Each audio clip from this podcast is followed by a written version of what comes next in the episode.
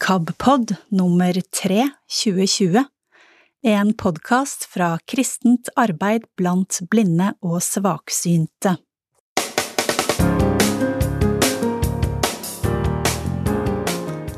Vi skal høre at det lokale menighetsbladet i lydversjon er svært viktig for mange synshemmede. Menighetsbladet er fortsatt den delen av kirkens virksomhet som når lengst ut, sier Trygve Jorheim, kommunikasjonsdirektør i KA, arbeidsgiverorganisasjon for kirkelige virksomheter. I artikkelserien Synlige stemmer handler det om når det lille ordet de skaper avstand. I Tro og tanke reflekterer Magne Bjørndal, som selv er blind, om fortellingen om den blinde Bartimeus i Bibelen. Er det opplagt hva en blind mann ønsker seg? Kurt Ove Mæland, vår stuntreporter, har møtt Even, som har opplevd en stor forandring i livet sitt. Og vil du høre mer fra Kurt Ove, finnes hans innslag som egne podkaster under tittelen Blindebukk. Til slutt har vi klippstoff, og aller først får vi viktig KAB-informasjon fra generalsekretær Øyvind Woie.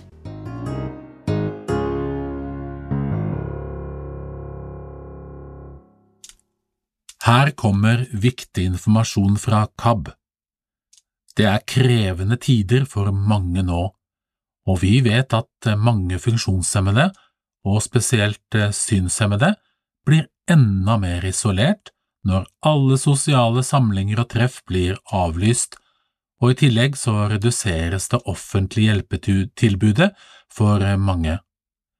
Da tror vi at KAB kan spille en viktig rolle og være et godt tilbud gjennom for eksempel lydbiblioteket vårt, ved å høre på KAB-podden som du spiller nå, og ved å bruke andre tilbud, og også ved å ta direkte kontakt. Derfor holder vi KAB-hjula i gang så lenge vi klarer. Noen av våre ansatte jobber hjemme, andre er på KAB-huset i Askim så lenge vi får lov til det, for vi forholder oss til de hygienerådene og retningslinjene som myndighetene gir, og vi oppfordrer alle våre medlemmer og lyttere til å gjøre det samme. Vi må, som statsministeren sier, vi skal ikke ta på hverandre, men nå må vi ta vare på hverandre. Vi som jobber her i KAB-huset, vi har løpende kontakt med landsstyret vårt.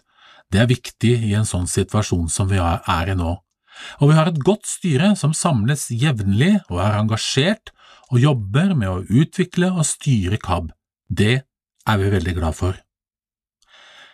Vi har mer behov for digital kontakt med dere, så det første som jeg vil be deg om, det er å sende oss eller ringe inn din e-postadresse og ditt mobilnummer. Det vil gjøre det lettere for oss å sende deg informasjon og koble deg opp til ulike tilbud fra KAB som finnes i dag og som kommer framover. Vi jobber blant annet med å lage digitale møteplasser for våre medlemmer, og der man som brukere kan treffe hverandre gjennom internett og ha samlinger som for eksempel møter og andakter og foredrag eller andre ting.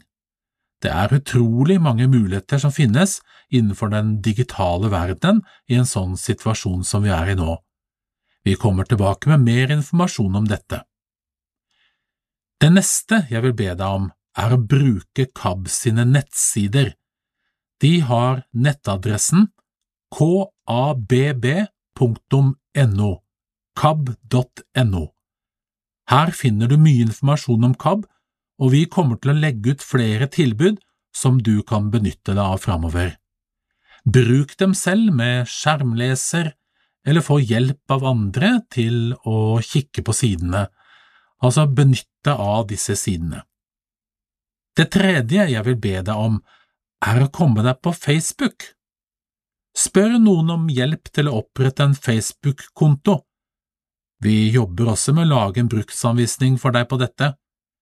Dette er viktig, fordi der kan du også finne andakter og gudstjenester og forskjellig innhold og reportasjer og intervjuer, du kan ha kontakt med andre og få informasjon fra KAB. Vi kommer til å samle opp dette framover på en av de sidene som vi har, og jeg vil oppfordre deg, enten du nå er på Facebook eller skal på Facebook, til å bli medlem av gruppen Vi som liker KAB. Her vil du finne mange ting å lytte til og informasjon og treffe andre mennesker som er i samme situasjon som deg selv. I tillegg vil jeg be deg følge Facebook-siden som heter Kristent arbeid blant blinde og svaksynte. Bli med på Facebook. Er du allerede der, så kom deg inn på våre sider, og tips også gjerne andre synshemmede om disse sidene. Lydbiblioteket vårt går som normalt. Du kan låne bøker gjennom nettsidene våre og via din låneside. I tillegg har du Lydhør-appen på mobil, og du kan ringe KAB hver dag mellom klokka 8 og 16 på hverdager på 69 81 69 81 for å få hjelp til å låne eller velge bøker, eller hvis du har andre spørsmål. I tillegg så kan det jo kanskje være en fin tid nå å prøve andre lydtilbud som KAB har. Vi leser for eksempel inn flere organisasjonsblader og menighetsblader. Her er det mye inspirasjon og informasjon om kristne organisasjoner, fellesskap og kirkesamfunn, om eget personlig åndelig liv og forskjellige ting til inspirasjon. Alle disse tjenestene er gratis, og mange har et svært godt og spennende innhold. Du kan eh, ringe eller sende e-post til oss når som helst. Da bruker du telefonnummeret vårt 69 81 69 81 og sender e-post på kab alfakrøllkab.no kabb alfakrøll kabb.no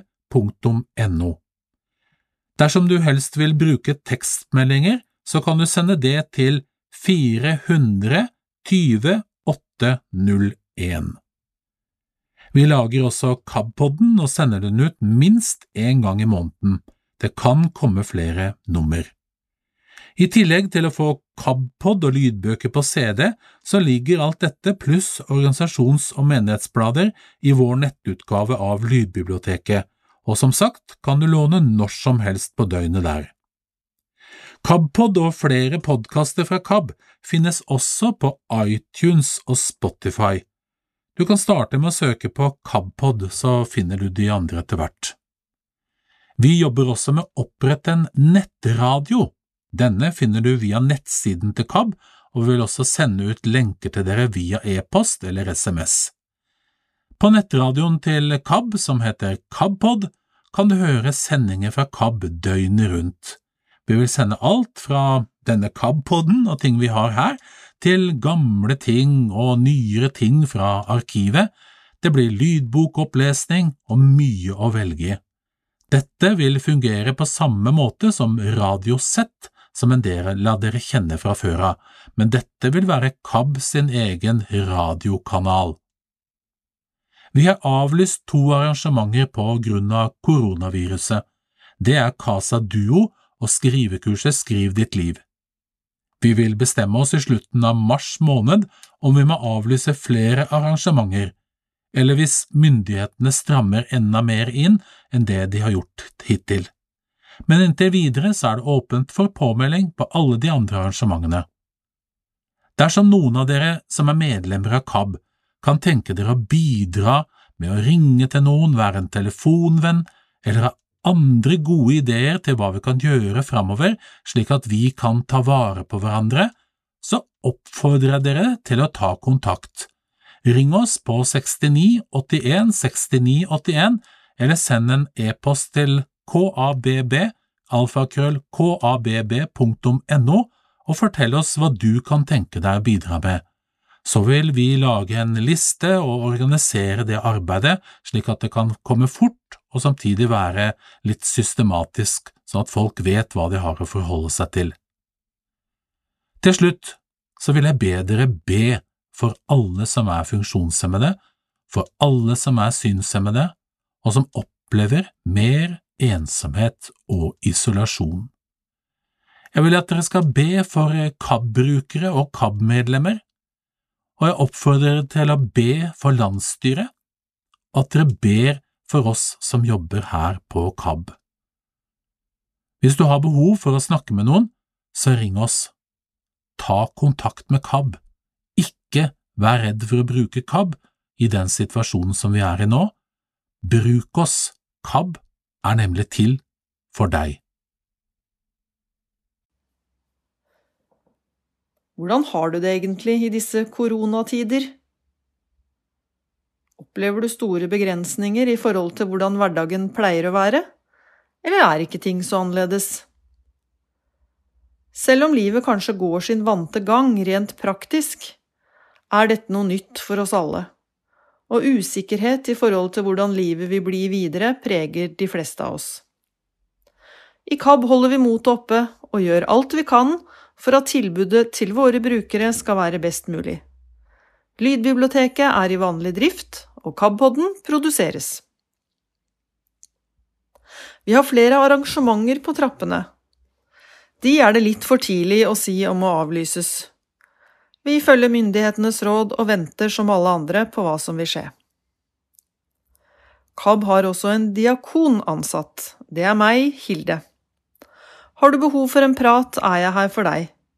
Det kan handle om alt fra å få praktisk hjelp på plass, til de litt dypere samtalene. Uansett, jeg er her for å dele det du måtte ha på hjertet.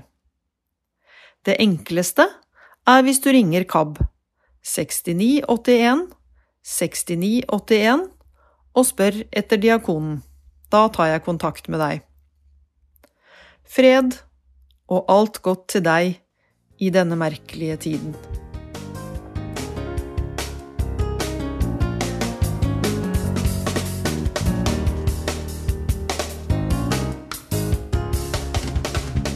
For mange synshemmede kan dagene bli lange.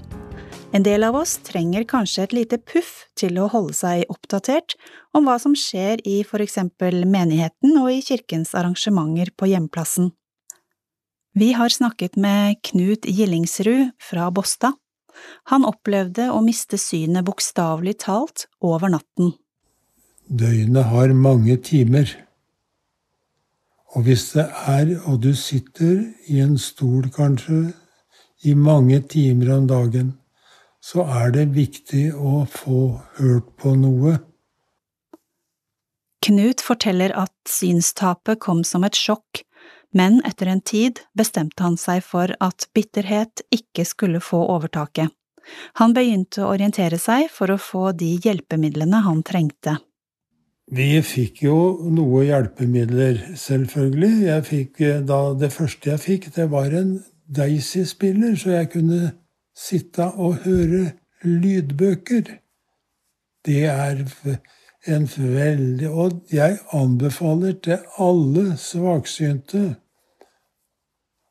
Begynn å få tak i en Daisy-spiller fra Hjelpemiddelsentralen, og begynn å leie bøker ifra, ifra Blindeforbundet eller KAB. Det er klart jeg var vant til å gå ut døra, sette meg i en bil og gjøre de, reise dit jeg ville, og gjøre de tingene jeg ville. Nå må jeg spørre. Knut er svært opptatt av å følge med både på hva som skjer i bygda, og på nyheter ute i verden. Jeg, eh, når jeg sitter, så, så får jeg Jeg får Aftenposten, jeg hører selvfølgelig fjernsyn. Jeg ser jo ikke fjernsyn, men jeg hører fjernsyn. Jeg har jo sett fjernsyn så mye, så, og jeg har veldig interesse til å høre på idrett. Og så får jeg selvfølgelig menighetsblad fra Trøgstad på lyd. Og det er, det er jo Der får jeg med meg en Det er som regel noen som har har et innlegg og skriver noe fra gammel tid, eller Og så får jeg jo alt som har med folk som er, er døde i Trøgstad, barn som er døpt i Trøgstad, mennesker som er gifta seg i Trøgstad. Alt får jeg jo i menighetsbladet. Så det fungerer litt som sånn lokal input, det da? Ja, det er en grei lokal input. Veldig, veldig grei lokal input. Men uh, går du i noen kirke? Jeg går ikke spesielt i Jeg er ikke spesielt uh, kirkegjenger. Jeg går i kirken når jeg, når jeg, skal være med i kirken. Kona mi er med i menighetsrådet og, og selvfølgelig har sine vakter i kirken. Men uh, det er klart, jeg Jeg hører hver eneste søndag, uansett åssen det er, hvis jeg er hjemme og er, sitter i nærheten av radio, så hører jeg gudstjenesten. KAB har en kampanje gående om å få flest mulig menigheter til å få lest inn sitt menighetsblad hos oss. Nå skal vi høre hva KABs styreleder Kjersti Lium sier om sitt forhold til menighetsbladet. Å ja, vet du, det er så viktig, det, fordi at jeg skal føle at min menighet, at jeg har en tilhørighet der. Og jeg tenker at det gjelder oss alle som eh, Vi, ønsker jo veldig, vi som jobber med KAB, at alle skal få en tilhørighet til hjemmemenigheten sin. Og da tenker jeg at første bud er jo at vi skal få vite hva som skjer der. Når det er gudstjeneste, hva slags tema det er, hvem som jobber der, eh, hvem som er døpt og begravet, holdt jeg på å si, og alle de tinga som andre kan bare kikke i. Det har jeg også lyst til å vite om min menighet og føle at jeg hører til. Så det syns jeg er så viktig. Det er noe av det viktigste vi gjør.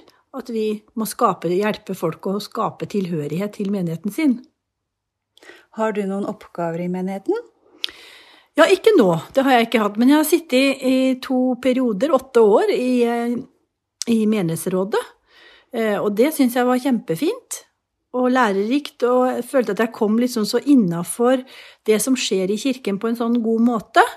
Eh, og de ble kjent med meg. Så det håper jeg at mange kunne ønske å si ja til, eh, hvis de blir spurt om å være med i menighetsrådet. Og jeg vet jo at mange syns jeg er det også. For det er, selv om det er en del praktiske oppgaver som vi føler kanskje blir vanskelig å fylle, så er det også mange utvalg en kan sitte i, og mye en kan mene noe om og, og være med på å bestemme. Eh, selv om vi ikke ser og kan gjøre det praktiske, da.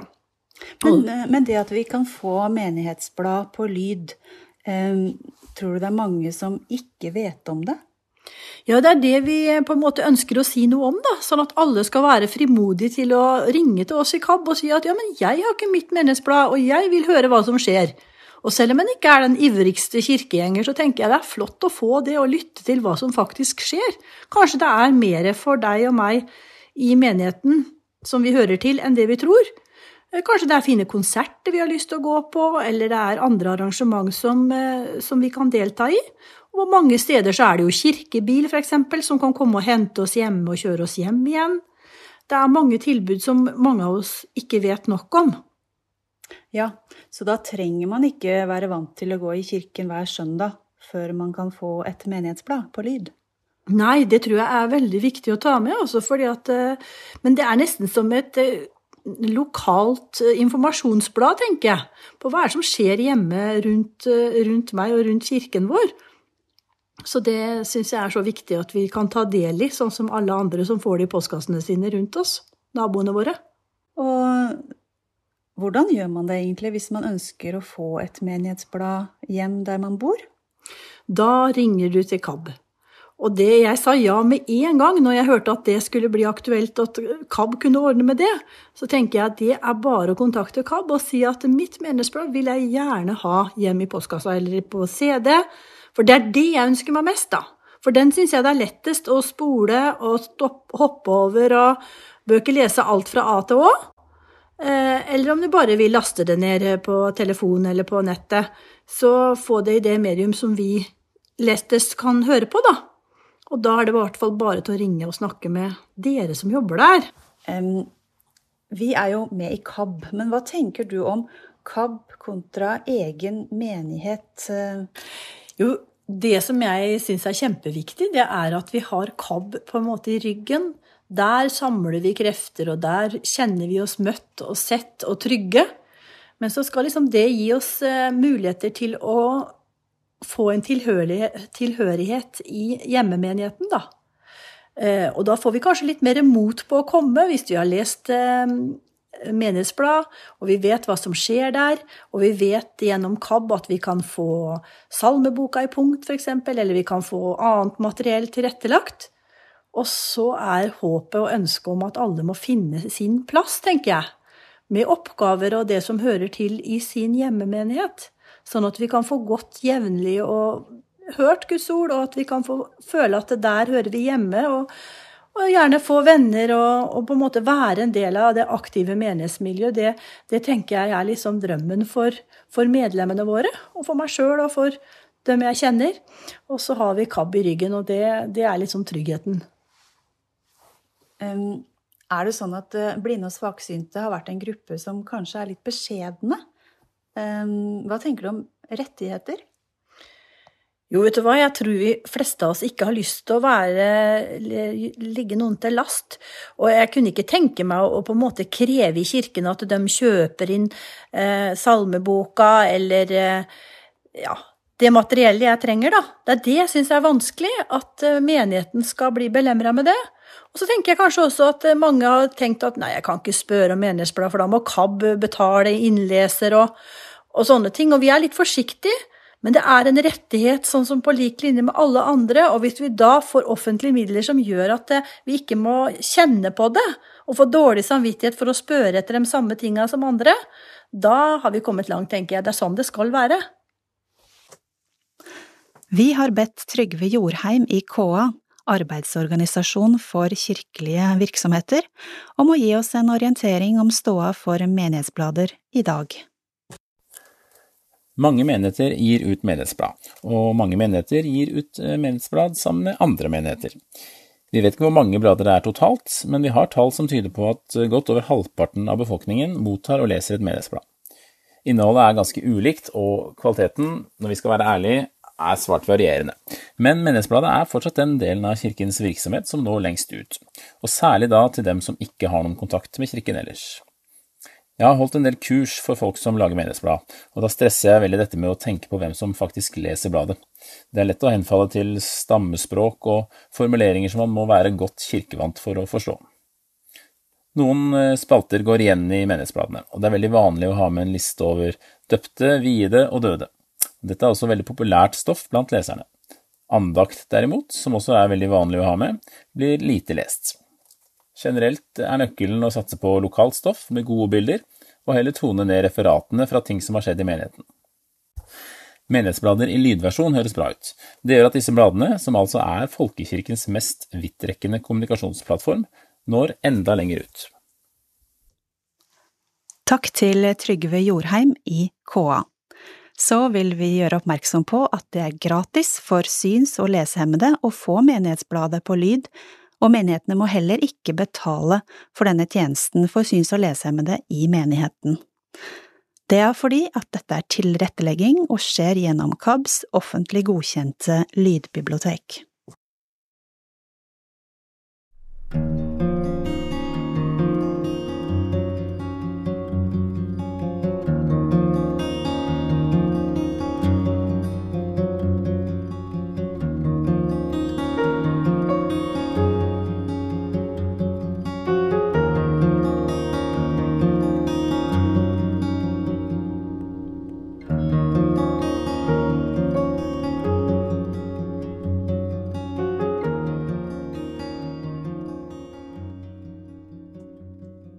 Bruker du uttrykket De blinde? Av Magne Bolme, Synlige stemmer. Et lite ord kan skape stor avstand.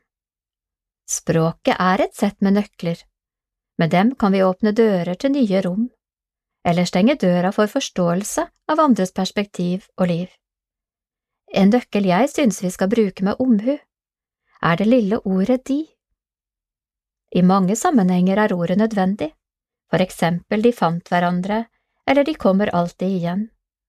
Uten de, som pronomen, blir setningen ikke meningsbærende, men ordet kan også bygge murer. De blinde derimot kan ikke det, eller de gamle er i en helt annen situasjon. Disse utsagnene er tilsynelatende harmløse, men her blir det lille ordet de fort en nøkkel som lukker dører. Når for eksempel en journalist starter en problembeskrivelse med Hvordan er situasjonen for de gamle? skjer to ting. De gamle blir et objekt som vi andre betrakter fra utsida, og samtidig skapes vi andre som et kollektivt vi, som betrakter disse andre på avstand. Da blir disse andre fremmede, de er ikke oss. De gamle eller de funksjonshemmede blir objekt vi betrakter.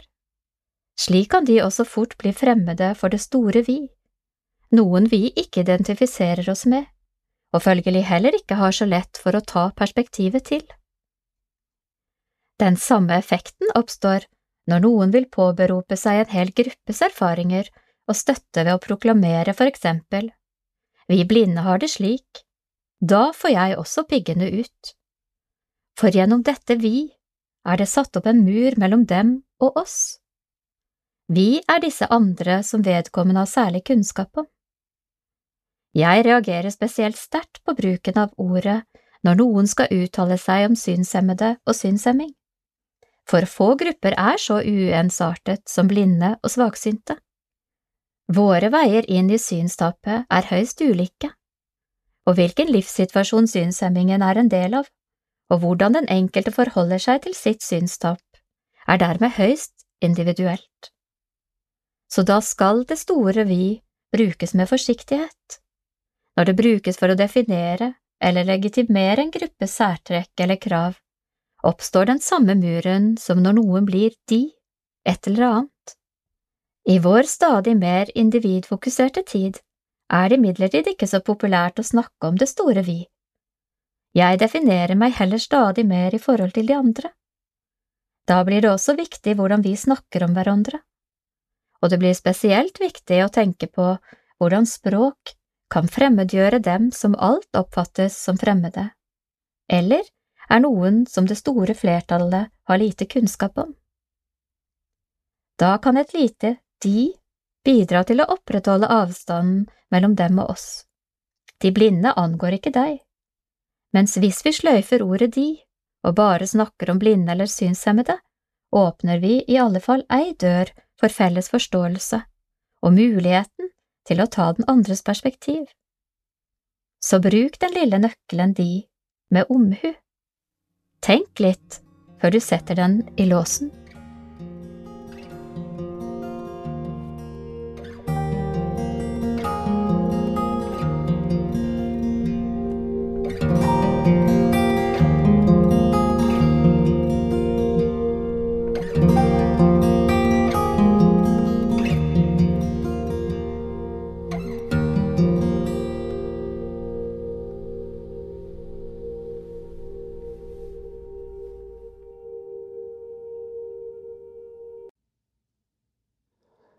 Hei, jeg heter Magne Bjørndal, og jeg er prest i Nordhordland.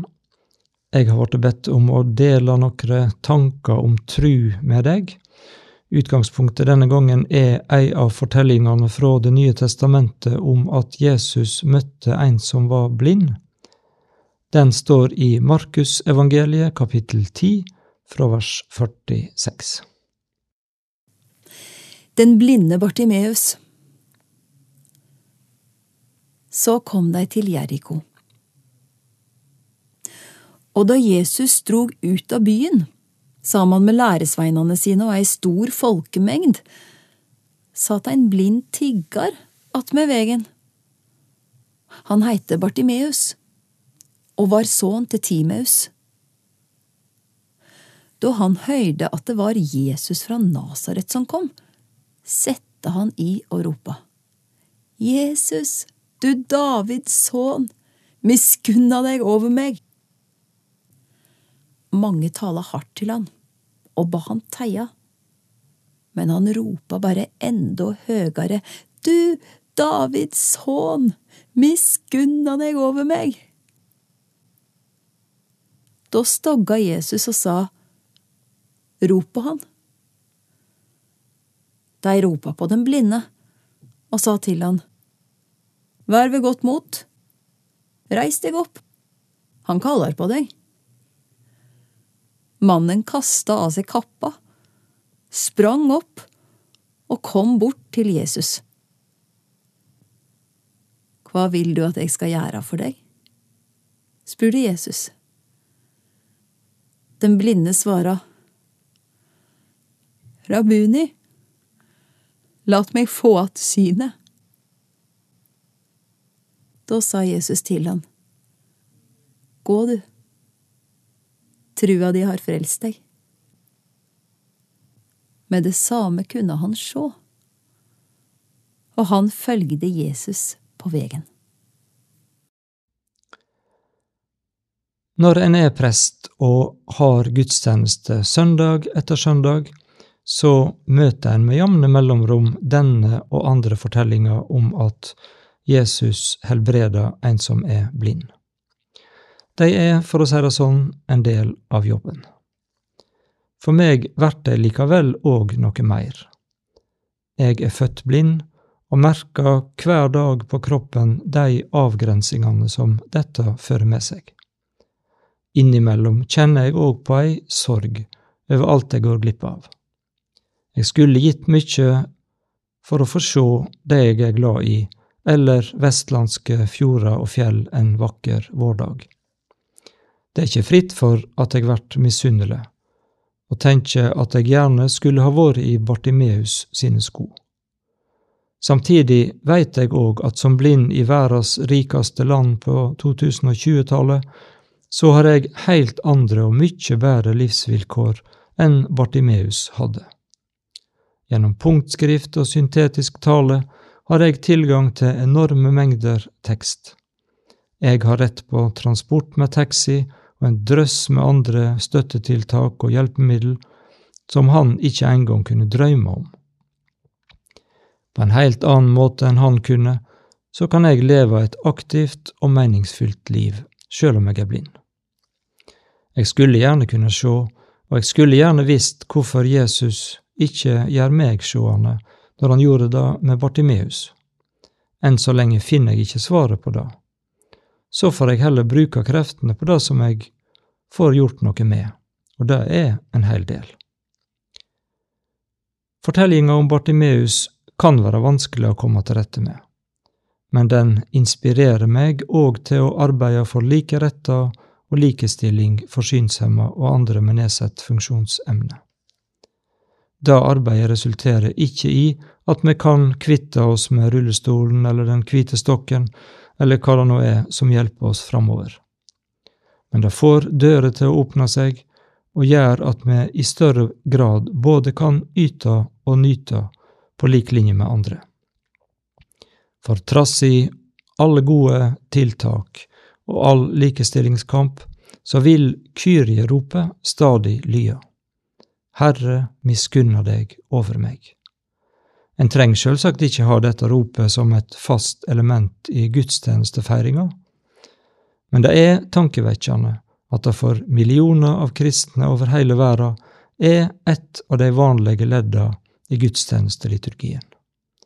Anten vi nå synger det i gudstjenesta eller ikke, så stiger det hver dag og time et rop fra sorgfulle og fortvilte mennesker som i angst og smerte vender seg til Gud med bønn om berging og utfriing fra det som vi strir med. Hvorfor Gud, tilsynelatende iallfall, ikke svarer på disse ropa, det ligger i det skjulte. Likevel oppleves det godt å legge det som vi strever med, framfor Gud, så får Han ta seg av det til den tid og på den måten som han finner best. Fra mitt liv kan det stige bønner om hjelp og rop om Guds miskunn som henger sammen med at jeg er blind. Men det kan like gjerne være helt andre ting som jeg strever med, og som jeg vender meg til Gud om. Derfor vil jeg gjerne at når jeg trenger hjelp, og det gjør jeg rett som det er, så skal den som tilbyr hjelp, møte meg på litt av den samme åpne måten som Jesus møtte Bartimeus på. Hva vil du at jeg skal gjøre for deg? spurte Jesus. Var ikke da et bortkasta spørsmål og bortkasta tid? Er det ikke opplagt hva en blind mann vil, så Jesus bare kan gå rett på sak? Nei, det er ikke opplagt. Jeg skulle, som sagt, gjerne vært sjående, men i perioder i livet har jeg hatt bruk for hjelp med helt andre ting. Synstapet har jeg tross alt levd med gjennom hele livet, og har lært meg å takle nokså bra. Og så er det så viktig å få komme til orde, ikke bli tatt for gitt, og at andre mener de veit best hva jeg trenger. Det hender ikke så ofte, men det er faktisk ikke så lenge siden sist jeg opplevde å bli stansa av en som sa han var overbevist om at Jesus kunne gjøre meg frisk, og som gjerne ville be for meg. Jeg var på vei hjem fra jobb en helt vanlig ettermiddag, da det kom en mann opp bak meg som uten å presentere seg eller innleie en samtale på en alminnelig måte, sa han gjerne ville be for meg.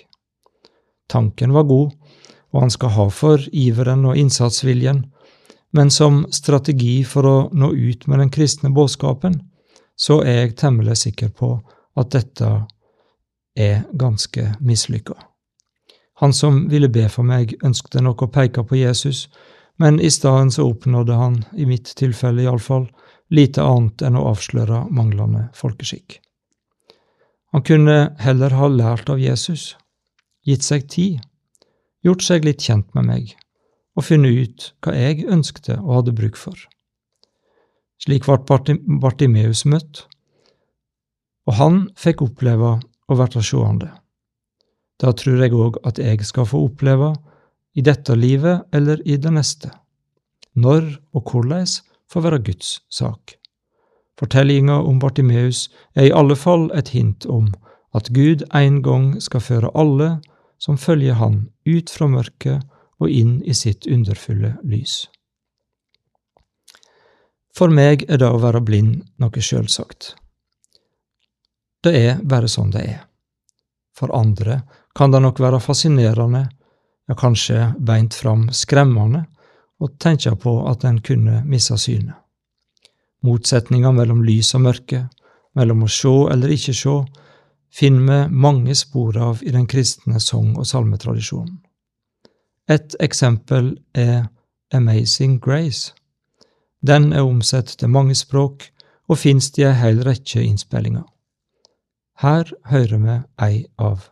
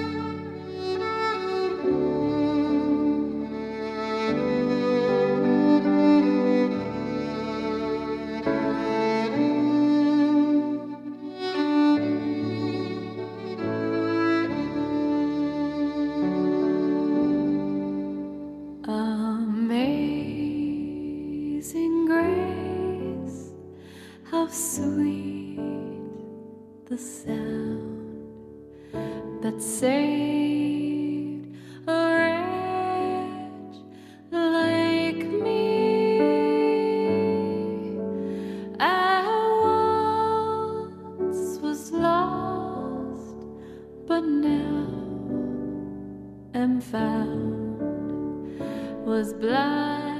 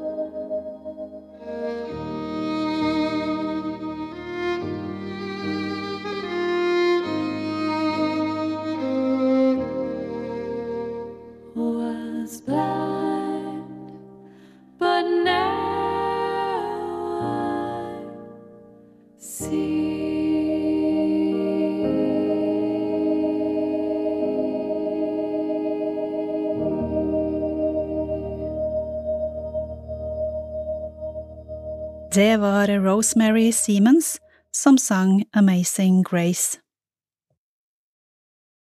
Nå skal du få møte Even Vesterheim. Første gang jeg møtte han, da kom han som representant fra Hjelpemiddelsentralen og skulle fikse en eh, lite samarbeidsvillig datamaskin. Men, men, det er lenge siden det. Even han har hatt et liv der han livnærte seg på å være yrkeskriminell. Nå er den tiden forbi, nå er han faktisk yrkesaktiv. Jeg møtte Even på kontoret, der det var haugevis av datamaskiner som skulle fikses, spillemaskiner der ungdom kunne sette seg ned og spille, og mye annet teknisk knask. Men det var overhodet ikke teknisk det første Even viste meg da jeg kom.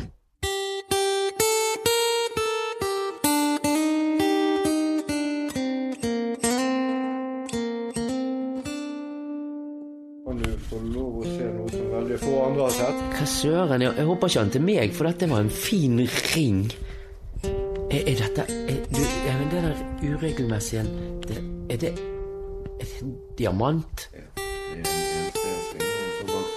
Forlovelsesring som jeg har planer om å gi vekk i morgen. Jeg uh, har tenkt å ta henne med meg over fjellet å Ta hun nå, nå har, du, har, du, har du dame, da? Det, det er Ja, uten ring så hadde det vært dumt uten dame, men jeg har jo et uh, prospekt på gang, og vi planlegger en liten tur østover for å hilse på foreldrene mine i morgen. Uh, og da har jeg planer om å stoppe på grensen mellom Hordaland og Nei, Nå heter det jo Vestland. da. Vestland og Vestfold Telemark. Ja. Fot på hver side. Det syns jeg er det rette stedet. Og da blir jo tiden det tiden blir. Ingen vet hva veien fører til, så uh, vi får se i morgen. Fytti gris, jeg tror jeg må ringe Jeg er nervøs for at eh, Hvordan kommer dette her til å gå? Jeg tror jeg må ringe til deg. Du, uh, vi satser på at det går den veien det skal, og at alle er ved svært godt humør når vi kommer ned til mine foreldre. Og så får vi ta det derfra. En dag av gangen. Du, mitt liv eh, har opphørt å eksistere sånn som det har vært. Jeg kjemper nå bare for å beholde de bitene jeg ønsker. Eh, jeg ser jo det at eh, hun har en enorm innflytelse. Eh, og det er godt å ha et menneske å være med, snakke med, ligge inntil. Eh, få trøst av trøste. Altså bare det å være i en relasjon. Jeg har vært alene, jeg har vært alenefar i 25 år. Eh, og det har også forhindret meg fra å knytte relasjoner til andre mennesker. Min sønn har hatt hovedfokus. La oss si det slik, jeg, jeg, har vel ikke fått en tro. Jeg har hatt en tro uh, siden barndommen. Min bestemor uh, lærte meg å be aftenbønn og ha en relasjon til sannhet. Men den veien derfra og fram til i dag har jo vært rimelig kronglete. Gud har gitt meg en snirklete sti. Men hadde jeg gått av stien i de kryssene som har vært tilgjengelig, så hadde jeg ikke vært der jeg er i dag. Da hadde jeg ikke gått den veien. Jeg hadde kanskje ikke truffet moren til min sønn og ikke fått treffe min sønn. Og heller ikke min framtidige håpefulle. Og jeg eh, har hatt mye smerte og mye vondt. Skapt meg mye smerte. Det har vært min egen skyld, så jeg skal ikke gjøre mitt offer. Men eh, det har eh, vært turbulent. Det har vært eh, vanskeligheter. Og uten de vanskelighetene så hadde ikke jeg fått den karakteren jeg har i dag. Jeg hadde ikke hatt den evnen jeg har i dag. Jeg hadde ikke hatt de mulighetene eller de vennene. Jeg hadde ikke hatt tilgang til de ressursene jeg har i dag. Så takk Gud.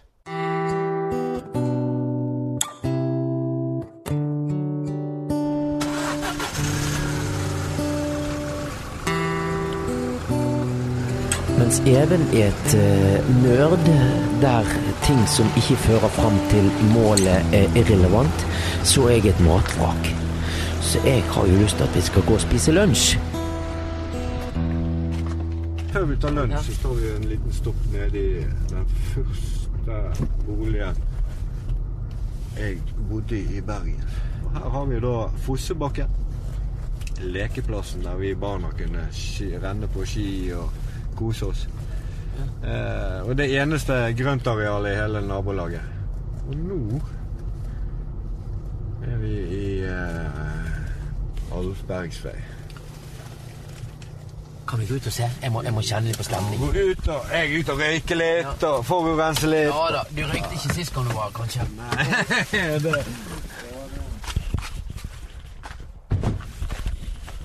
Her eh, spratt vi over gjerdene, og her klatret Nå har jeg tatt vekk takrennen, ser jeg. Det er bare eh, avløpet står igjen. Klatret i takrennen? Ja, vi bodde i andre etasje, sant? og glemte du nøkkelen, og så var det å klatre opp takrennen og så inn vinduet. Men Even, nå står vi Er det der du bodde? Rett, Det peker rett fram der, altså. Rett oppe i andre etasjen der hadde jeg eh, Der ser vi på soveromsvinduet mitt. Nei, hvis jeg lukker igjen Jeg trenger ikke engang å lukke igjen øynene for å kjenne igjen eh, tryggheten som var. Maten, måltidene, eh, hendelsene. Akkurat her vi står, eller rett bak oss nå, så opplevde vi en bil som hadde litt travelt med å rekke ølsalget, så han eh, bremset og havnet på taket. og Ut av bakruten kommer det krypende kar som forter seg inn i butikken, for han må jo rekke ølsalget før de stenger, mens bilen ligger bare opp ned utenfor. Og vi sitter og spiser middag og ser ut, og alt blir jo det, det, ser jo grusomt ut. Vi, men uh, litt mer spennende å bo her enn det har vært å bo andre steder. Jeg hadde vel ikke noe særlig nettverk, og jeg var en tynn, spjåkete østlending med ikke de fineste klærne. Så jeg måtte jo finne meg noe annet å bli god i. Her bodde jeg og var barn. Her bodde jeg og var uh, snill gutt og liten og uskyldig og veldig troskyldig. Uh, jeg uh, gikk med avisen her i seks år, og den andre delen av gaten, det er en del av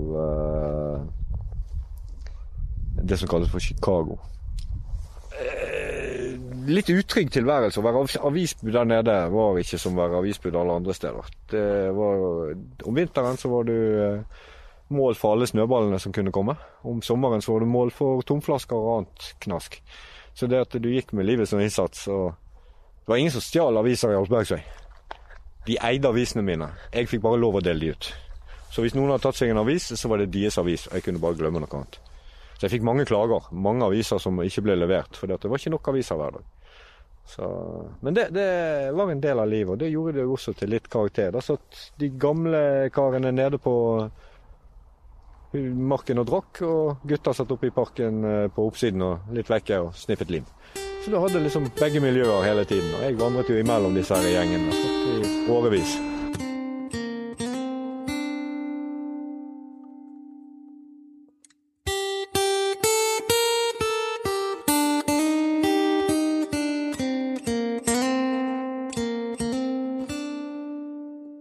slår av PC-en.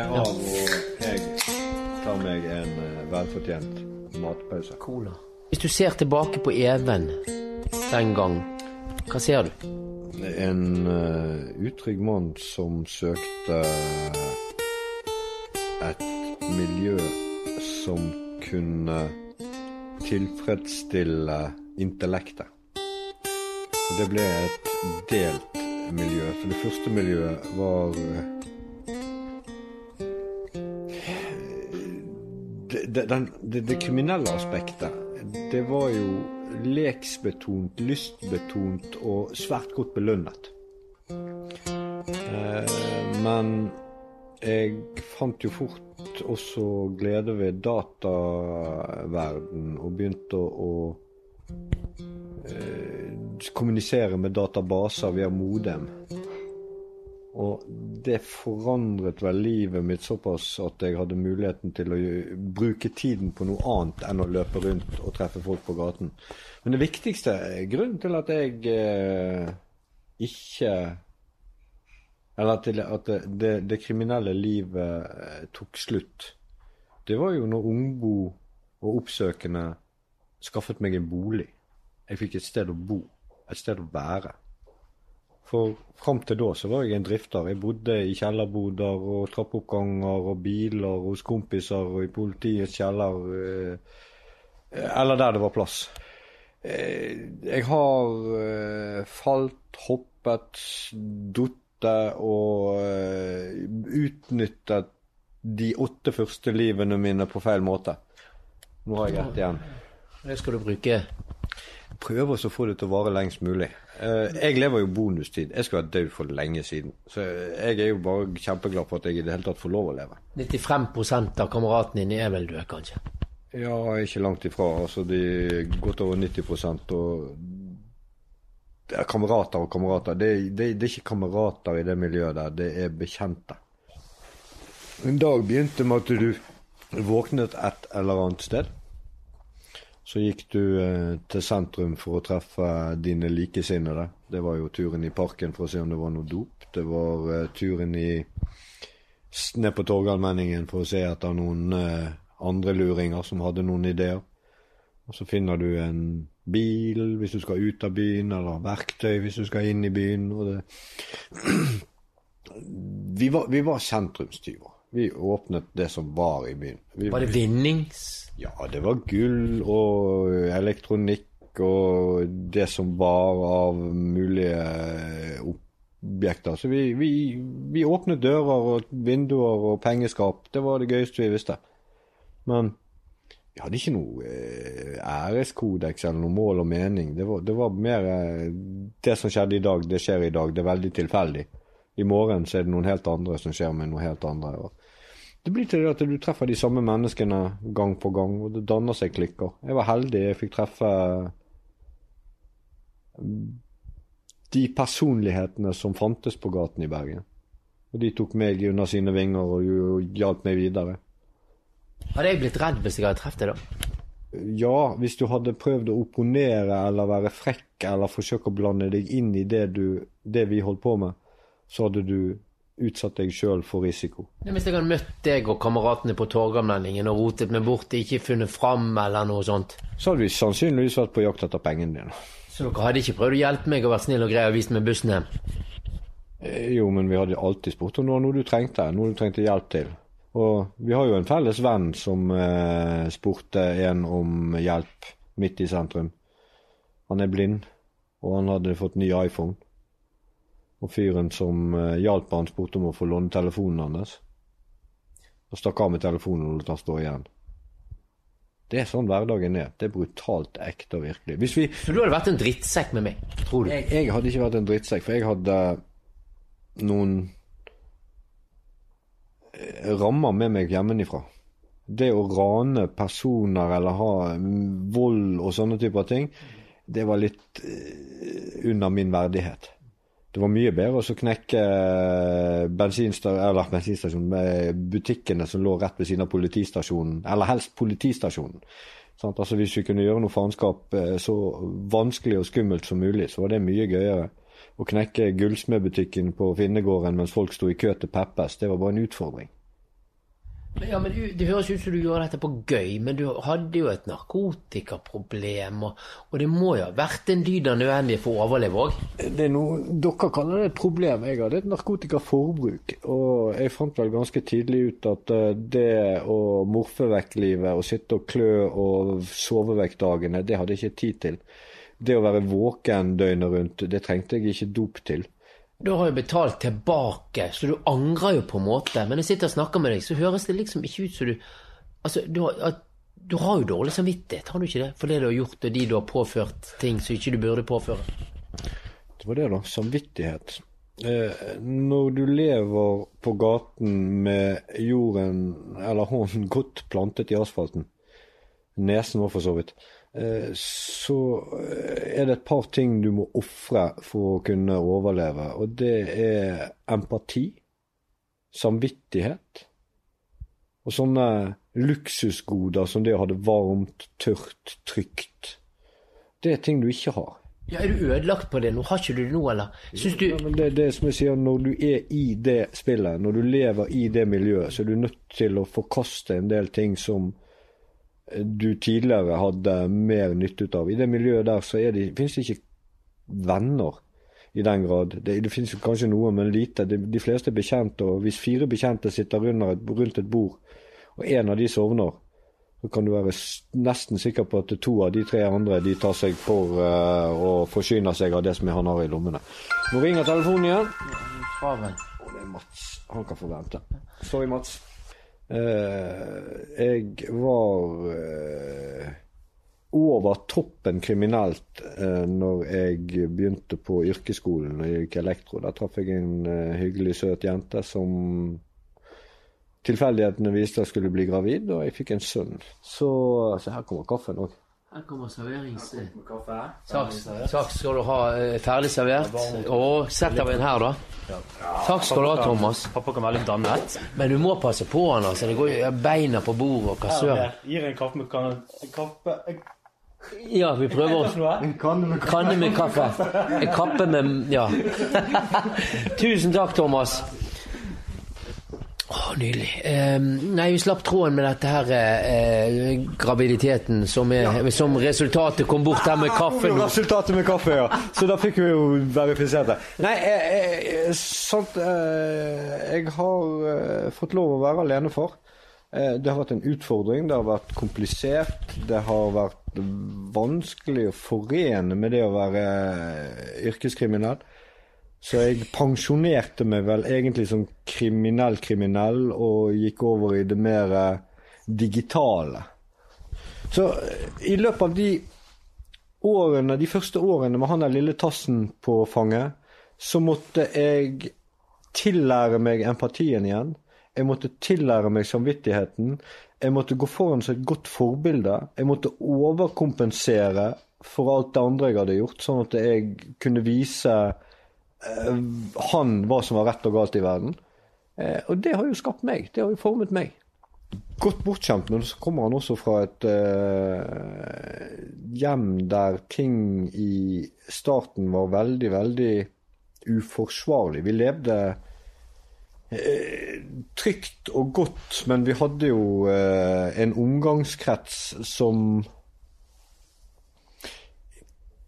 kunne kjøre fra oss ut og havne i situasjoner der grov vold eller drap var resultatet.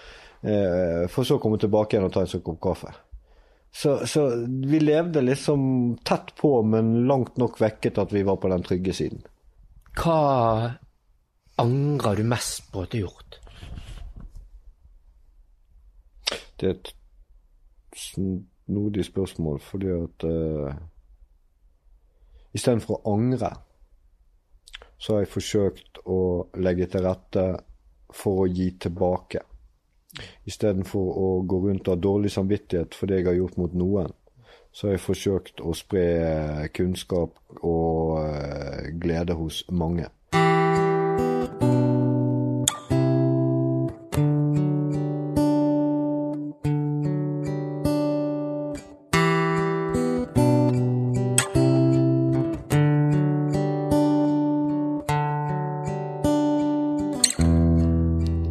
Du lyst til å vite hvordan det gikk med Even og dette her frieriet? Da er ikke det annet å si følg med på KAB-podden framover.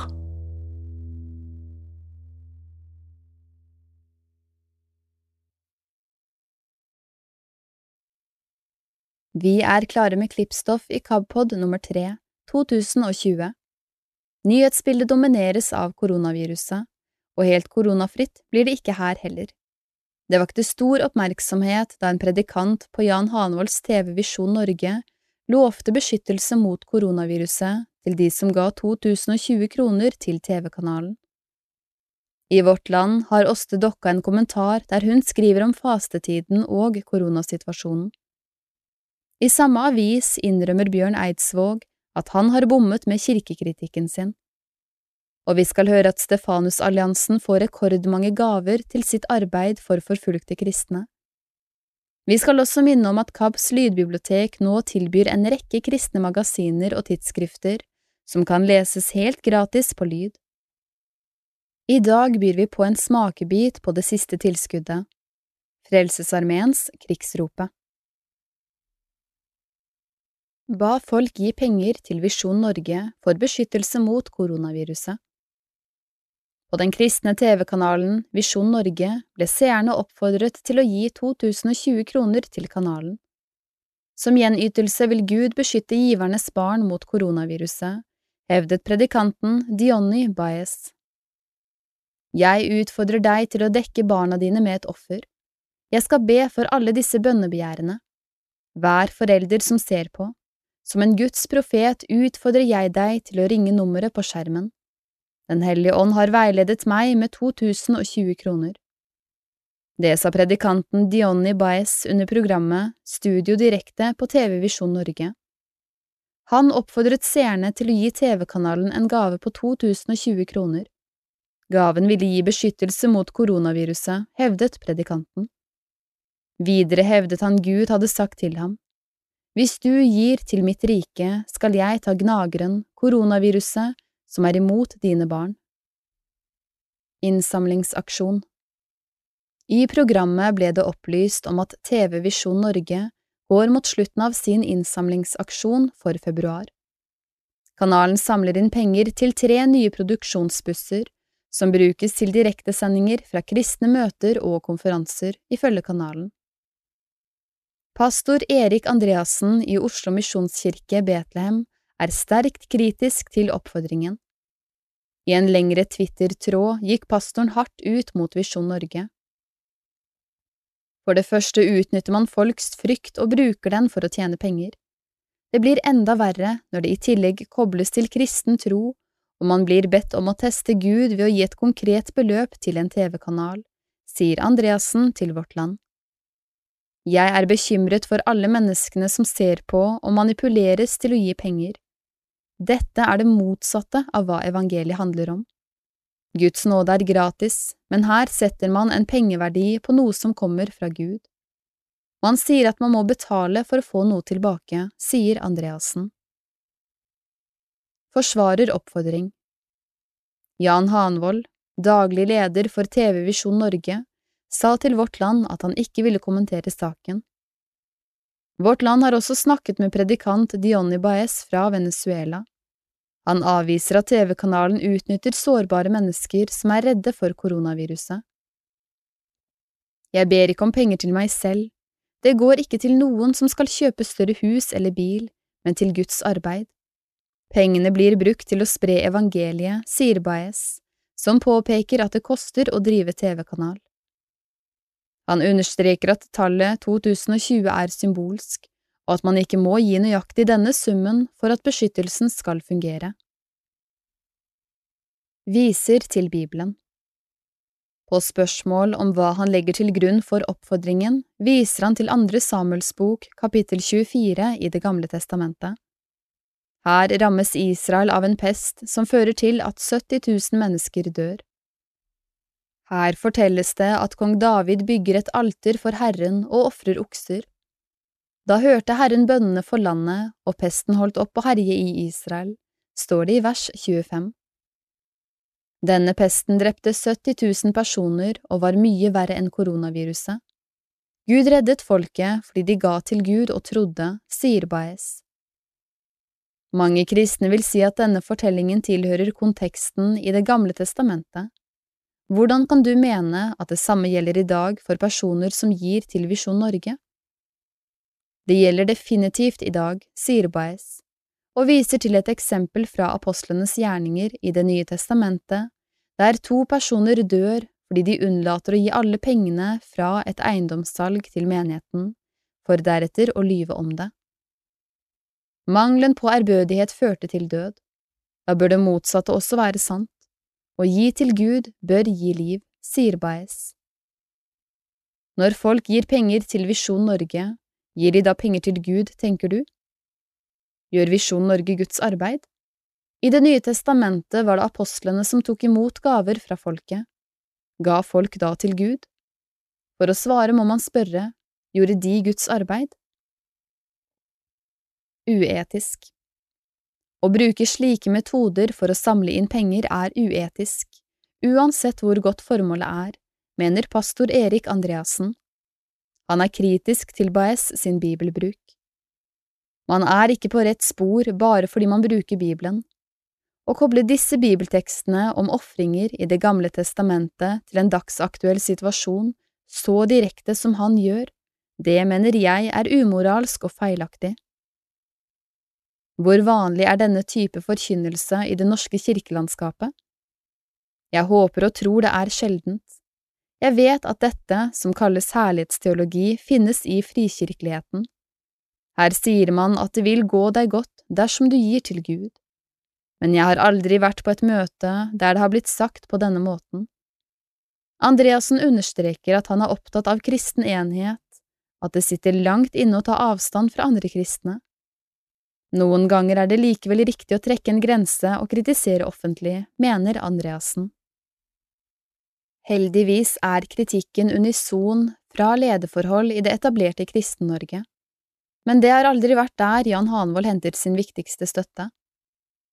Det er en manipulativ og spekulativ måte å forholde seg til bønn på, det er en uhederlig form for pengeinnsamling, og det er en type forkynnelse som flytter oppmerksomheten bort fra Jesu Kristi frelsesverk og over på forkynnerens uholdbare teologi og ditto-metoder. Det må være grunn til å spørre om det Baez her forfektet overhodet kan kalles kristen forkynnelse.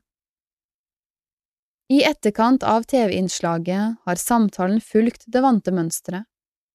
Pastor Erik Andreassen i Oslo misjonskirke Betlehem fanget opp sendingen og formidlet den fortjenstfullt videre via Twitter. I etterkant har en rekke norske medier omtalt saken. Visjon Norge-sjef Jan Hanvold vil som vanlig ikke snakke med journalister. Det mest alvorlige med denne saken er ikke Jan Hanvolds manglende selvkritikk på kanalens vegne. Det mest alvorlige er at en slik forkynnelse får feste seg. For dem som har fulgt Visjon Norge over tid, var det lite å bli overrasket over i innslaget torsdag kveld. Dette er slik Visjon Norge fremstår.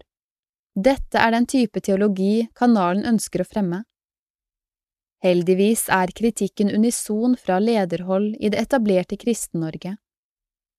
Men det har aldri vært der Jan Hanvold henter sin viktigste støtte. I tidligere tider snakket man gjerne om det myndige lekfolket her i landet. Dette gjorde man med utgangspunkt i beskrivelsen vi finner i Apostlenes gjerningers kapittel 17.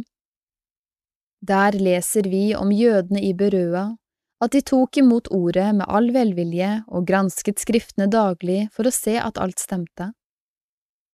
Det er en ulykke når Visjon Norges støttespillere ser ut til å være mer opptatt av å støtte opp om kanalens virksomhet enn av å undersøke om forkynnelsen faktisk er i tråd med Guds ord.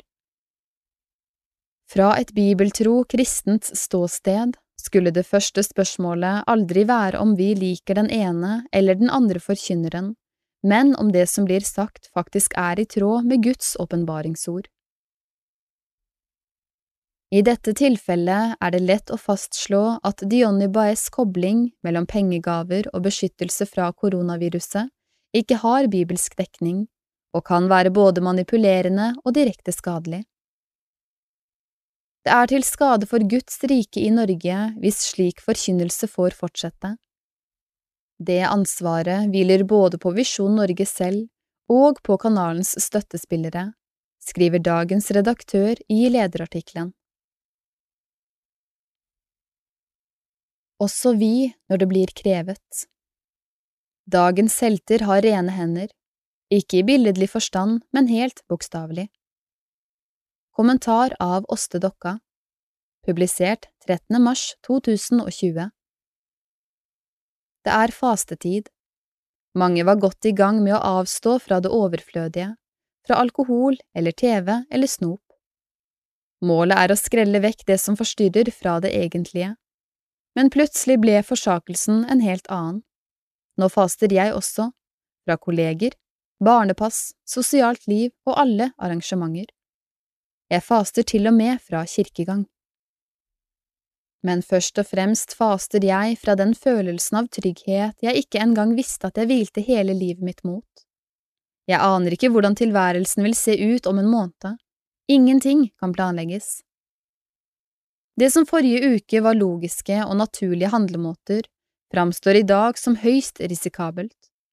Det gjelder ikke bare reising, økonomi eller det å gå på jobb, men også noe så basalt som å ta på andre mennesker. Forsakelse Hva skjer med oss når alt det som kan skrelles bort, blir skrelt bort? Dette er ikke en fase av fromhet, men av nødvendighet, og dermed endres perspektivet. Da det første skredet gikk i kalenderen min, kjente jeg lettelse. Selv om jeg hadde gledet meg til møter og fester, var det på en måte godt at de ble borte, for istedenfor aktivitet kom tid. Og er det ikke i bunn og grunn tid livet er? Livet vi kjenner plukkes fra oss. Hva kommer til syne under? Mester Eckhart skrev at sjelen ikke vokser ved tillegg, men ved fratrekk. Dette er også logikken i alt kontemplativt liv, retriter og mystikk. Avkledning, nedskalering, forenkling er veien til et sannere liv. Forsakelsen blir dermed en fromhetsøvelse. Men det vi driver med nå er ikke fromhet, det er tvert imot høyst verdslig. Å tilpasse oss de beskjedene vi får fra myndighetene. Det handler ikke om mine bønner eller min vekst, men om et ytre kall om å være medmenneske. Kanskje kan sjelen vokse på det òg, men på en annen måte. For den forsakelsen vi gjør for hverandre, og ikke for oss selv, er en sant kristen forsakelse. Slik ser vi at skillet mellom verdslig og kristelig er irrelevant. Kirke i krise For kirka sin del er krisa ekstra kritisk. For kirka har vært folkets klippe i alle kriser, små som store, og nå er den på mange måter fratatt sin modus operandi. Det første som røyk var fredshilsen og nattverd, og nå kan vi ikke samles, vi kan ikke holde gudstjeneste. Vi er en kirke uten offentlig sakramentsforvaltning og uten forsamlingsmulighet. Dermed er kirka kalt til å faste fra sitt eget, fra å være kirke, nettopp for å være kirke. Nå er det som atskilte at vi kan bære hverandres byrder, som isolerte at vi står sammen. Kirkene er derfor ikke stengt, har ikke lagt ned redskapene, de utforsker heller nye måter å være kirke på. Andre verdenskrig Vi innfører de mest inngripende tiltak Norges befolkning har opplevd i fredstid, ble det sagt da statsministeren torsdag stengte ned store deler av landet. I fredstid, det betyr siden andre verdenskrig. Jeg har tenkt på andre verdenskrig de siste dagene. Vi er i nasjonal krise, nå som den gang, og absolutt alle er rammet. En trussel henger over oss, butikkene er tomme, skoler og universiteter stengt. Mye er likt. Men mye er også ulikt. Fortellingene om krigen er preget av bragder, helter og fiender, og tydelige skiller mellom rett og galt. Vi ser krigen fra en posisjon der vi vet, alt er farget i seierens lysskjær. Men nå vet vi ikke. Vi er usikre på hvordan livet skal se ut hva vi skal tenke og hva vi skal mene. I strømmen av uventede problemstillinger og helt nye trivialiteter lyser ingen heltemodige løsninger eller grandiose redningsaksjoner. Dette er ikke tida for storslagen heroisme. Dette er derimot tida for nitide hverdagshelter. Det du kan gjøre for landet ditt i dag, er ikke å sprenge et fiendeskip, men å vaske hendene. Håndvask, det er den fasen jeg vil ha, tror jeg Jesaja ville sagt til oss i dag. Bjørn Eidsvåg innser at hans kirkekritikk bommer, skriver Vårt Land. De har møtt Eidsvåg og hans artistkollega Sigvart Dagsland, som turnerer landet rundt sammen, og som sikkert har koronapause, de også, nå. Nå skryter Bjørn Eidsvåg mer av bedehuset enn han rakker ned på det. En del av min kritikk bommer fordi kirka har beveget seg, sier Eidsvåg. Etter 39 konserter i høst har radarparet Sigvart Dagsland og Bjørn Eidsvåg lagt ut på ny runde. De starter med Alt eg ser og ender med Alt eg ikke såg. De to nye låtene har de laget sammen, og de omtaler samarbeidet med glød. Det er en fryd å bidra på Sigvarts sanger og gå inn i hans låd og tekstunivers sier Bjørn Eidsvåg, og Dagsland er enig. Uansett hvilken form jeg er i, tenker jeg, nå skjer det, sier Dagsland. Skryter Den ni år yngre artisten sier samarbeidet får historien til å gå opp for ham. Jeg hørte så mye på Bjørn og har vært inspirert av ham. Han skriver om temaer som ikke er fremmede for meg, og det er flere likheter enn ulikheter mellom oss. Låtene våre biter hverandre i halen og kommenterer hverandre som når Alt eg såg, som handler om smerten, ender i Eg ser, som gir det høyere perspektivet og trøsten. Det er mange låter som står til hverandre. Det er makt i de foldede hender går over i Min båt er så liten. Da er vi virkelig i bedehusland, sier Dagsland. Søndagsskolesangen kommer i en bolk der de snakker sammen om hva den kristne oppveksten har betydd for dem. Nå skryter jeg av bedehuset mer enn jeg rakker ned på det, sier Eidsvåg. Når turneen kommer hjem til Folkets hus i Eidsvågs Sauda, lover han å rette opp alt stygt han har sagt om bedehuset han vokste opp i. Hvordan skal du klare det? Ved å ta med meg, svarer Dagsland på spørsmålet som var rettet til Eidsvåg. Når Sigvart synger Det er makt i de foldede hender, er alt på stell. Fortsatt snakker dere om kritikk av kirke og bedehus. Hvor lenge synes dere det er aktuelt? Jeg tror ikke det er helt borte, selv om grensene har skjøvet seg. Jeg synes fortsatt det er viktig å kritisere kirken, svarer Dagsland. Størknet kritikk. Men hvis det dere kritiserer ikke finnes lenger, etter at jeg ga ut boka Tro og trass i høst, er jeg blitt invitert flere steder til samtale på Menighetsfakultetet, med biskop Halvor Nordhaug på Litteraturhuset i Bergen og flere andre steder, sier Eidsvåg. Da har jeg skjønt at folkekirken er åpnere enn den har vært i mitt hode. Mine referanser til hva kirken er, har vært altfor preget av det den var i min oppvekst. Da tenker jeg at en del av min kritikk bommer fordi kirka har beveget seg. Kirka går framover på en god måte. Folk blir ikke rystet på samme måte som før hvis du tar opp en debatt om hvordan du skal forstå oppstandelsen. I dag kan man snakke om det uten at noen blir kalt kjettere eller blir frosset ut. Det synes jeg har vært en god opplevelse med å gi ut boka. Jeg er veldig glad for at kirka har beveget seg, og at min kritikk på mange måter er en størknet kritikk, sier Eidsvåg. På den andre siden har du det å unngå misbruk av Guds navn. Det er arrogant å si, men sånn har jeg det at når noen tar Gud til inntekt, slik som nå med absurde ting om å gi penger for å unngå koronaviruset, så blir jeg ikke sint lenger, men fryktelig lei meg, tillegger Eidsvåg. Dagsland slutter seg til, men tilføyer at han ikke lenger er så opptatt av kirken. Den betyr ikke så mye for meg nå, må jeg innrømme, sier Dagsland. rekordstore gaveinntekter til arbeid for forfulgte kristne. Aldri før i Stefanusalliansens historie har det vært samlet inn så mye penger fra givere som i 2019. Publisert onsdag 26. februar 2020 De foreløpige tallene viser at gaveinntektene i fjor vil ende på 29,9 millioner kroner, mot 27,7 millioner året før. Ifølge organisasjonen innebærer dette en økning på 8 Legger man til testamentariske gaver, ender totalsummen på 32,7 millioner. Det er i siste nummer av magasinet Stefanus at organisasjonen kan fortelle om gaveveksten i 2019.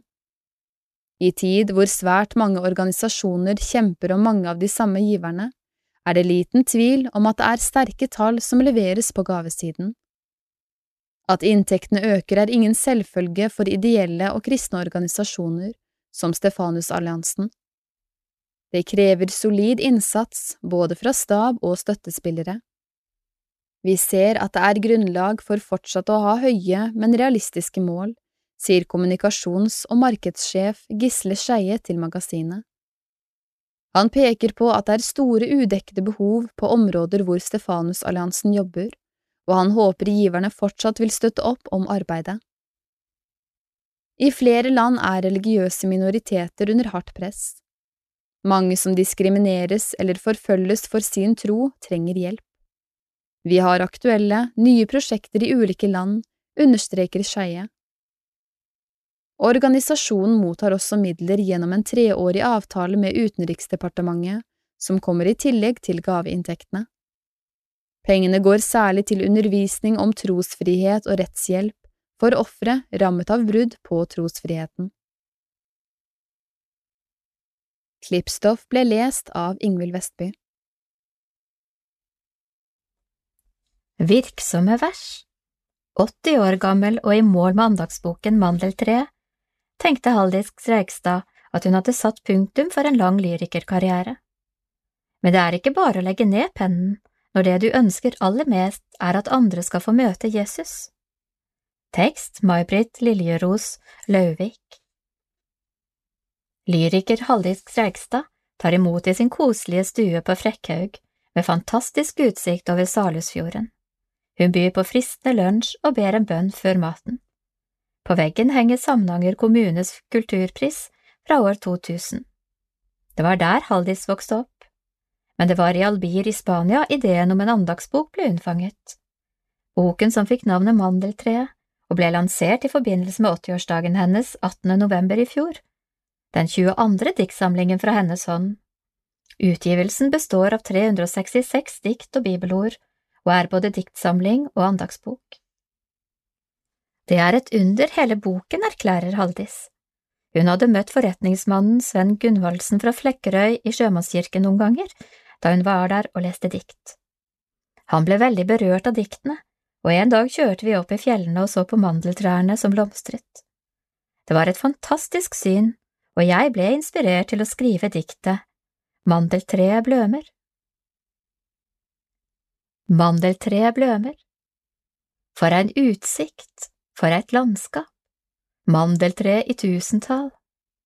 Alt er vakkert, alt er storslått, lik en mektig katedral. Mandeltreet, vaketreet, breier sine greiner ut. Tre med blomar, tre med knoppar, vitnar om ein mektig gud. Mandeltreet står og blømer. Vinteren er nå forbi. Gud har åpna himmeldøra til ei evig sommertid. Fylt av undring, fylt av glede, jubla vi vår lovsang ut. Mandeltre som står i bløming, er eit mesterverk frå Gud. Frå ein kvist or tørre jorda, blømar Herrens herlegdom. Frukta ifra Han er sjeler, frelst ved Han fra død og dom.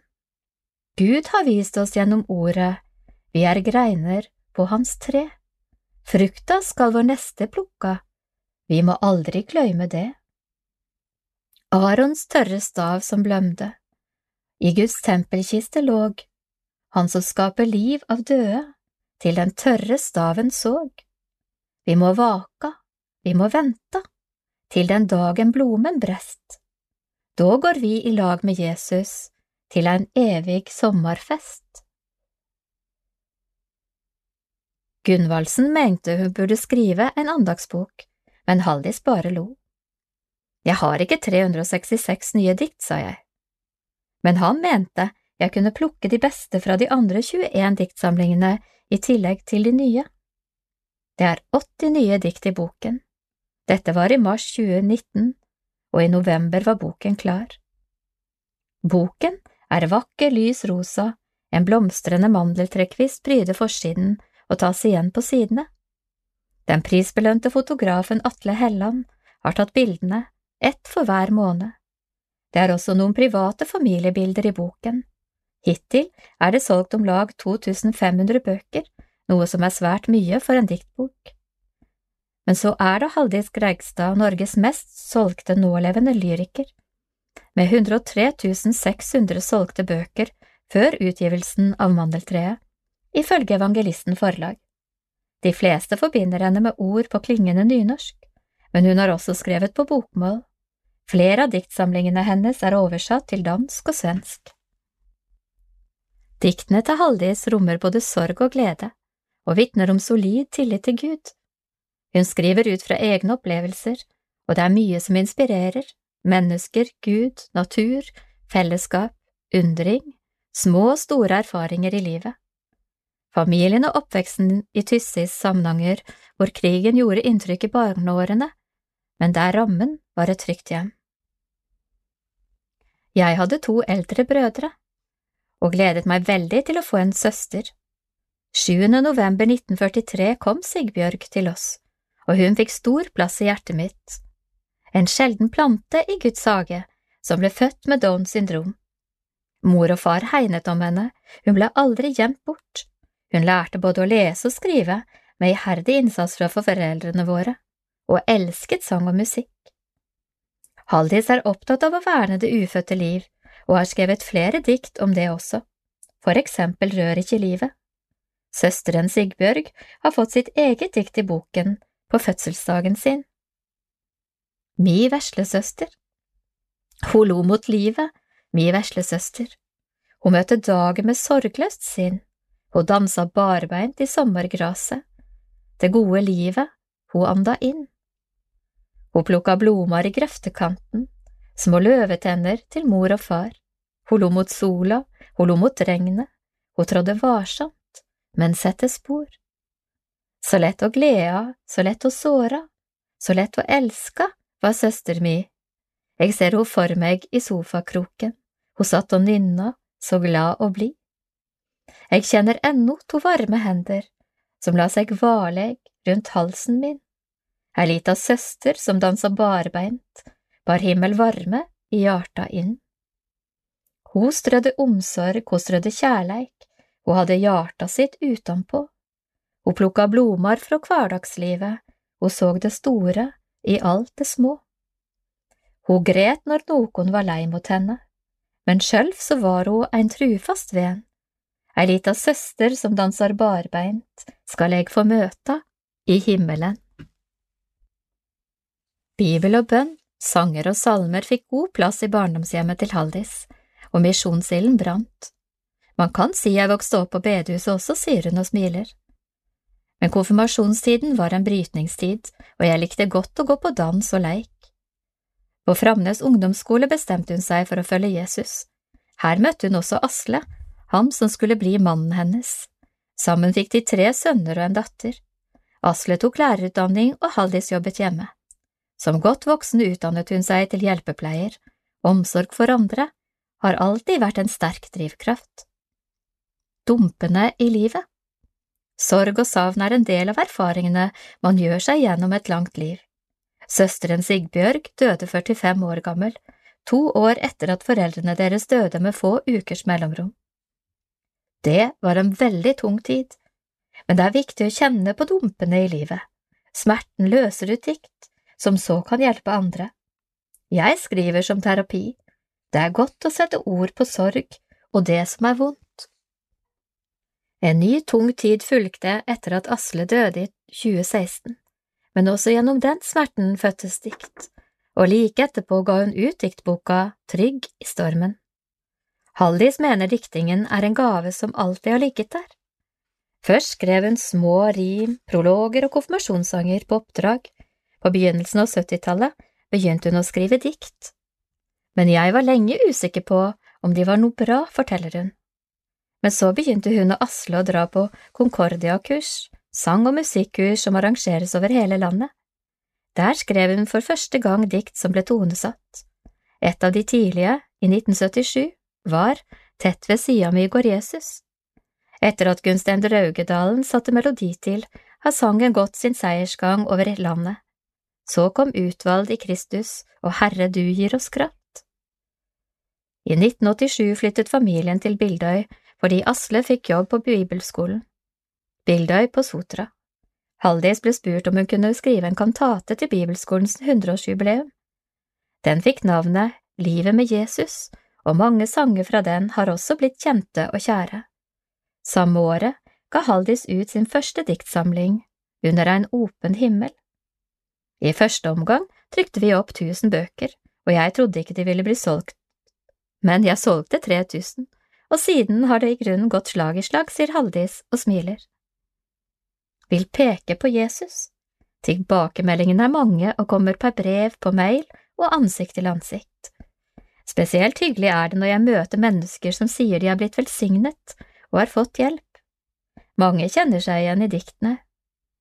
Jeg har fått en gave fra Gud, og den er ikke bare til privat bruk. Den er til alle hans barn.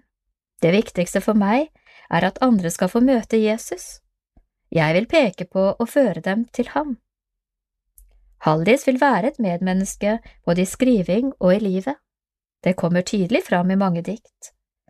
Jeg ønsker å skrive til trøst og oppmuntring. Jeg har ikke opplevd alt jeg skriver om, men av og til fører Gud meg inn i rom der jeg kjenner på smerten. Vi kan lære av de dagene som ikke er lette, men det er forferdelig for dem som bare har tunge dager. Jeg er glad i mennesker. Jeg har et åpent hjem og liker også å gå på besøk til folk. Som jentunge sprang jeg hele tida, og det har jeg litt i blodet ennå, forteller hun leende. Men hun må også ha stillhet og ro, noe hun særlig finner i naturen. Hun går tur nesten daglig, og hun ser og lytter. Det er også godt for kroppens skyld, det fysiske og psykiske henger sammen. Det blir en del naturdrikt. Men en setning jeg hører, eller et ord som slår ned, kan også inspirere meg. Mennesket jeg snakker med, for eksempel, om sorg, kan føre til at jeg skriver et dikt senere. Det kan også være en viljesak å sette seg ned for å skrive. Noen ganger er diktet helt ferdig med en gang, andre ganger må jeg forandre litt på det. Jeg liker meg aller best når jeg skriver, sier hun. Hallis henter næring til diktene fra så mangt. Hun er inderlig glad i å lese bøker, særlig biografier, men også oppbyggelige tekster. Hun bruker mye tid på bibel og bønn, og er med i en bibelgruppe. Dessuten elsker hun å reise. Andre mennesker betyr svært mye. Å besøke, få besøk, og være nær. Hun trives godt med matlaging og samler gjerne barn og barnebarn. To av barnebarna er tvillingene Hildegunn og Ingelin, som er kjente musikere og har tonesatt flere av bestemorens dikt. Da mandeltreet kom ut, tenkte Haldis at hun hadde satt et punktum men diktene fortsetter å komme til henne. Jeg måtte jo skrive et dikt om Jesus første nyttårsdag, og så har det kommet flere etter nyttår, forteller hun, og byr på høytlesning av et av dem. Et dikt om at dagene kan skifte, men at Jesus alltid er den samme, til trøst og oppmuntring som så ofte før. Løvetannmisjon En frodig liten løvetann så sorgløs, gul og god, fant husrom midt i vegbana der ingenting kan gro. Han såg ei lite åpning midt i asfaltjungelen, og ingenting i verda kunne holde han igjen. Han bredde sine kronblad ut og smilte som ei sol, om natta var han levegg for en liten blå fiol. De andre følgde etter, der den vist ene viste veg, og snart var grøftekanten full av sol til deg og meg. En frodig liten løvetann fann åker overalt, han strødde frøa sine ut om det var surt og kaldt. Med same pågangsmote og med same tru og vond kan Herrens trubadurer drive løvetannmisjon. Fakta Haldis Reigstad, 80, Norges mest solgte nålevende lyriker fra Samnanger bosatt på Frekkhaug utenfor Bergen. Har utgitt 22 diktsamlinger, den første er Under en åpen himmel fra 1987. Den nyeste er andagsboken Mandeltreet, utgitt i november 2019 på Evangelisten forlag. Det var solgt 103 600 eksemplarer av diktsamlingene til Reigstad før utgivelsen av Mandeltreet. Reigstad skriver til trøst og oppmuntring om livet, naturen og kristen tro. Mange av diktene hennes er tonesatt, blant annet Tett ved sida mi går Jesus. Haldis Reigstad er også representert i Norsk salmebok. Kilde Wikipedia Evangelisten forlag